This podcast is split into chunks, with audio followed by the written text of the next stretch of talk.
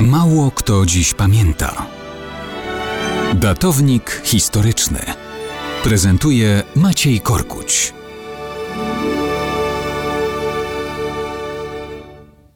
Mało kto dziś pamięta o tym, że 4 marca 1665 roku urodził się Filip Christoph von Königsmark, bohater jednego z najgłośniejszych skandali europejskich dworów z końca XVII wieku.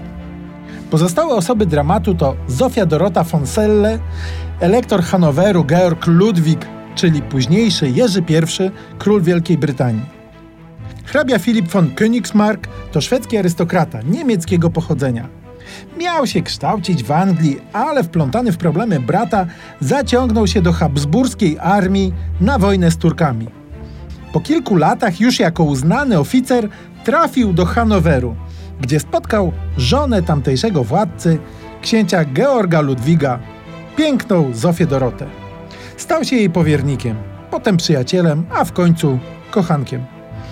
Jego wizyty w Alkowie Księżniczki, wymiana listów i westchnień trwały cztery lata. W tle była jeszcze jedna kobieta, księżna Platen, którą rozkochał wcześniej, a teraz porzucił. Z kolei Zofia Dorota od wielu lat i tak była zdradzana przez męża. Było to tajemnicą Policzynela. Krótko mówiąc, wszyscy zdradzali wszystkich, ale kiedy mleko się rozlało, to hanowerski książę i niewierny mąż w jednej osobie był najbardziej wściekły, że jemu Zofia Dorota przyprawia rogi.